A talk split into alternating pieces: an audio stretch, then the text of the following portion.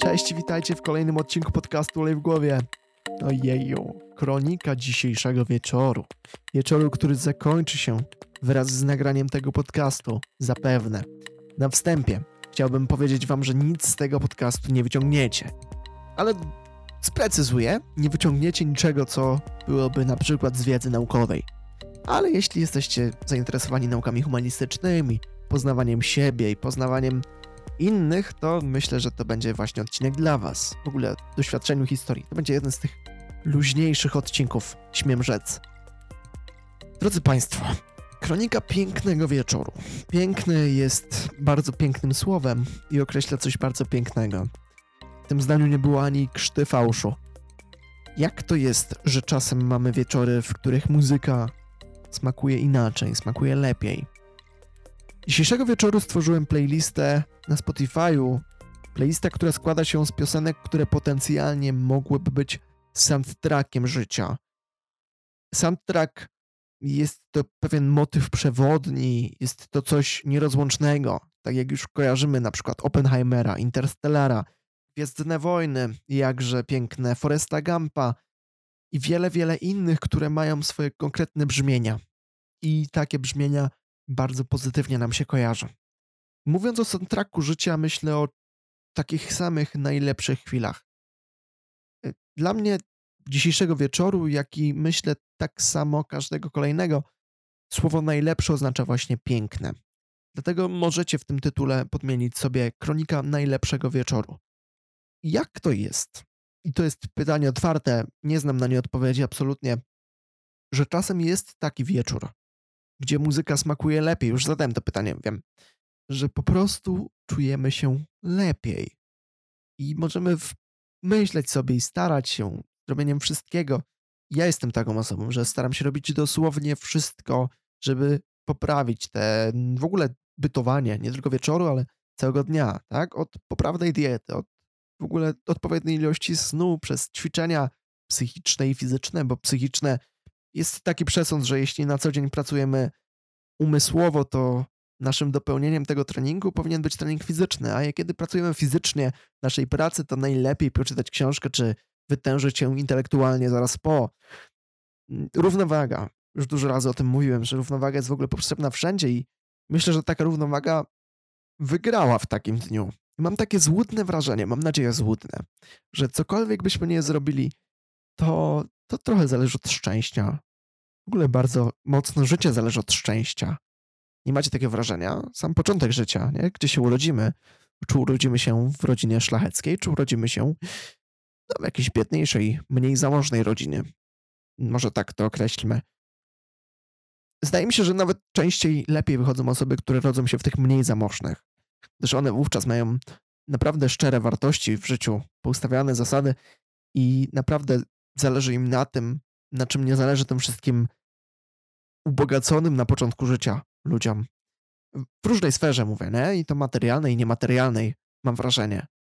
Ale wszystko z wrażeniem, nie? Niczego nie możemy być trochę pewni, bo to trochę tak, że to my jako ludzie, którzy absolutnie popełniamy błędy, badamy sobie ten świat wszerz i wzdłuż naszym umysłem, który myli się.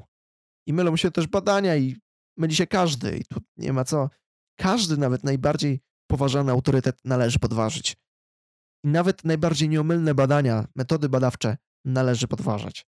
A więc ja podważam, czy właściwie dbanie o taki dobrostan dobrego życia, nazwijmy to sobie, czyli, i tu będzie całkowicie moja kronika, yy, robienie paru dziesięciu pompek, dbanie o tę tężyznę fizyczną w takim sensie, psychiczną to na uniwersytecie, ale i poza nim. Dokształcanie się w kategoriach popularno-naukowych na YouTube, czy to oglądanie historii bez cenzury Kaspra Pitali, czy innych po prostu dobrych twórców, czy materiałów zresztą. I wymienię teraz jeszcze parę z tych rzeczy, które być może nasuną jakiś wniosek, bo próbowałem zacząć oglądać film pełnometrażowy Zakochany bez pamięci, jeden z takich bardziej polecanych filmów, ale nie udało mi się. Jakoś ostatnio nie mam ochoty na filmy poza kinem. W kinie filmy smakują wiele lepiej. I wczoraj, z perspektywy mojego nagrywania, a więc 13 listopada, byłem w kinie na filmie Chłopi, polskim fenomenie roku 2023. Ponad milion Polaków, którzy udali się do kina na ten film, Zresztą to nasz kandydat na Oscary. Trzymam mocno kciuki, czy to w kategorii muzycznej, chociaż tam godni konkurenci, właśnie Oppenheimer między innymi, ale w kinematografii międzynarodowej ma spore szanse, chociaż pewnie skończymy jak zwykle, ale nie ma co się w tym przejmować na zapas. No więc poza takim, wiecie, wszystkim naokoło, byciem na uczelni, mieliśmy fajne zajęcia na przedmiocie, który nazywa się Przestrzeń Publiczna Miasta. Jak bardzo mnie on nie interesuje na co dzień, to pojawiają się tematy, które są fascynujące i tym razem był temat sound engineeringu. Nie wiem, jakby to dobrze przetłumaczyć. Zajmowaniem się mapowaniem przestrzeni względem form audialnych, choć to myślę bardzo przerost formy nad treścią. I pojawił się tam gość zaproszony z Australii, dr Jordan Lacey, który zabrał nas na zajęcia w plenerze.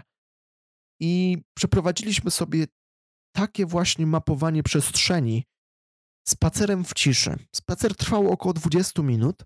Szliśmy po prostu. Jedyną zasadą, dwoma zasadami były wyłączenie telefonu i nieodzywanie się do siebie. Jeśli ktoś będzie próbował nas zaczepić, to dygamy i się uśmiechamy. To tyle. I wyobraźcie sobie, jak taka grupa 15-20 osób komicznie wygląda, idąc przez środek metropolii katowickiej, stolicy metropolii katowickiej w ciszy. No, mogłoby się wydawać, że powariowali i postradali zmysły co najmniej.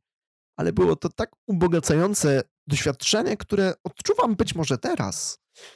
Bo ja jestem raczej z tych, którzy kochają oglądać, kochają patrzeć. E, tych, którzy są niby wzrokowcami, niby nie, ale cenię sobie wzrok, cenię to, co widzę. Być może też przez ten fakt, że posiadam lekkie problemy ze słuchem. Natomiast nie przeszkadzają mi one, bo mógłbym też powiedzieć, że posiadam lekkie problemy z wzrokiem i nie byłby to fałsz. mam nieznaczne upośledzenie barw. Czyli tak jak dla was niebieski to niebieski, to dla mnie pewnie błękitny to też niebieski.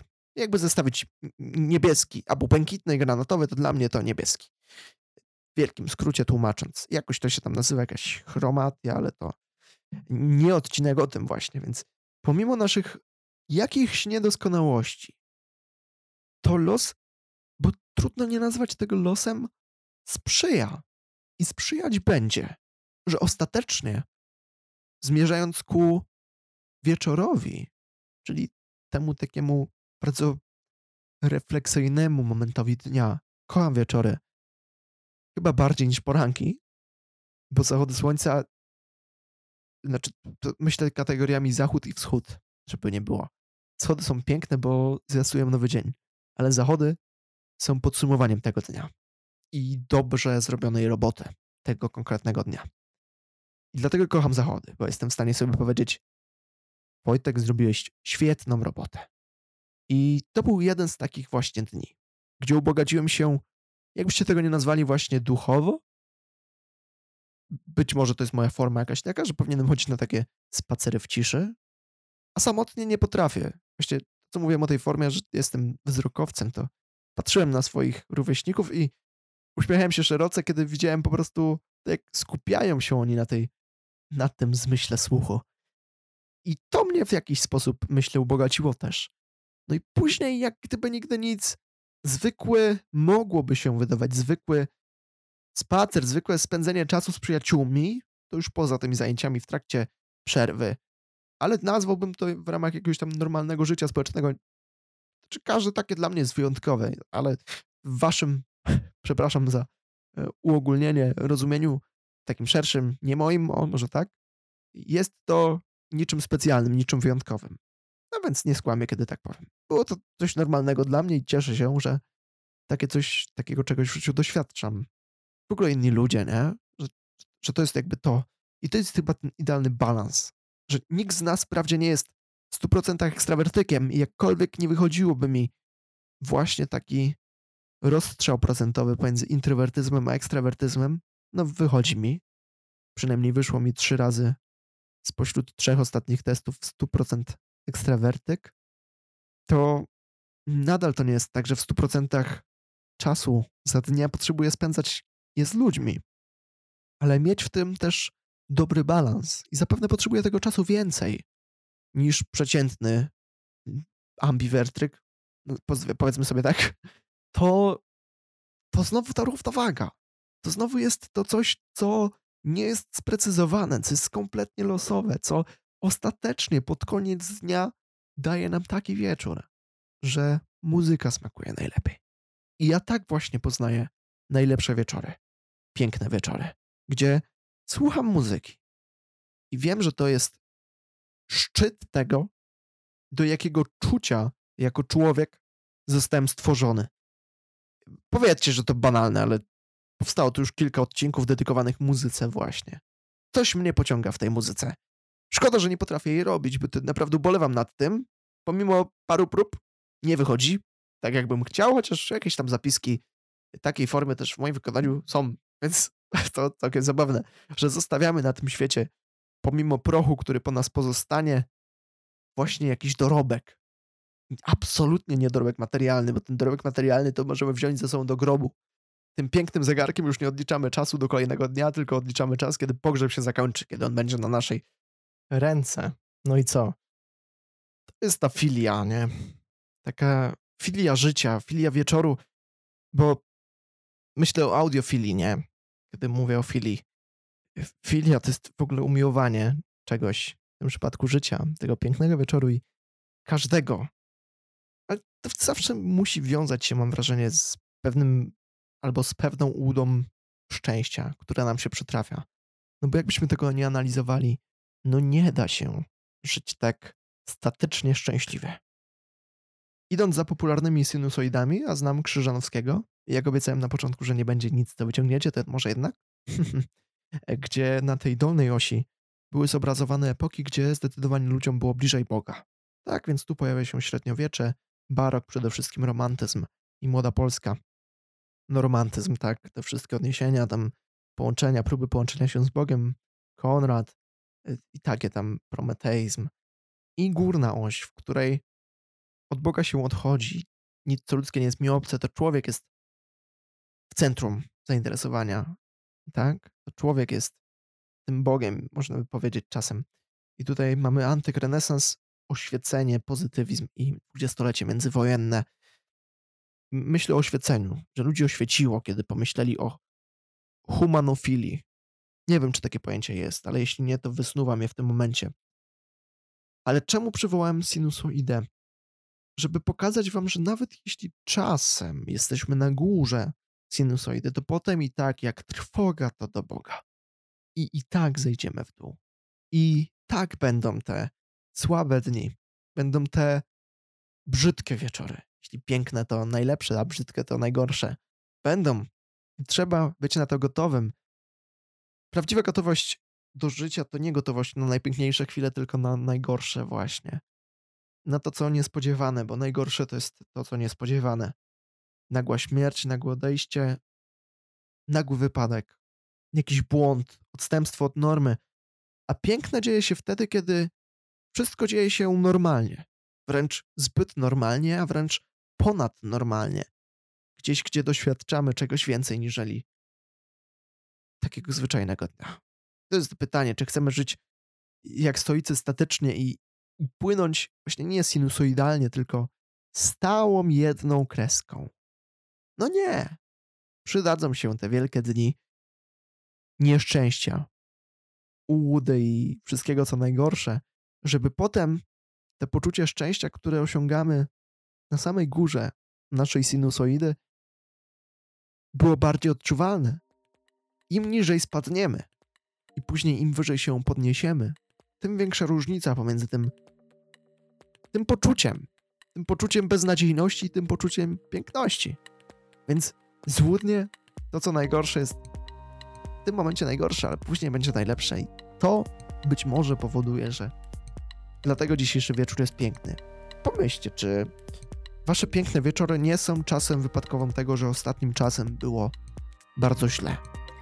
Jeśli nie, to proszę podzielcie się tym, czy to na Instagramie, czy mailowo, wszystko podane w opisie. Dlaczego miewacie dobre wieczory, piękne wieczory, waszym zdaniem? Z czego to wynika? Bo ja doszedłem do tego, to jest te 15 minut takiej pogawędki. Dziękuję, że tego słuchaliście i zapraszam już za tydzień o godzinie 19 na podcaście Olej w Głowie. Tu takie właśnie dywagacje. Pięknego wieczoru i wszystkiego dobrego.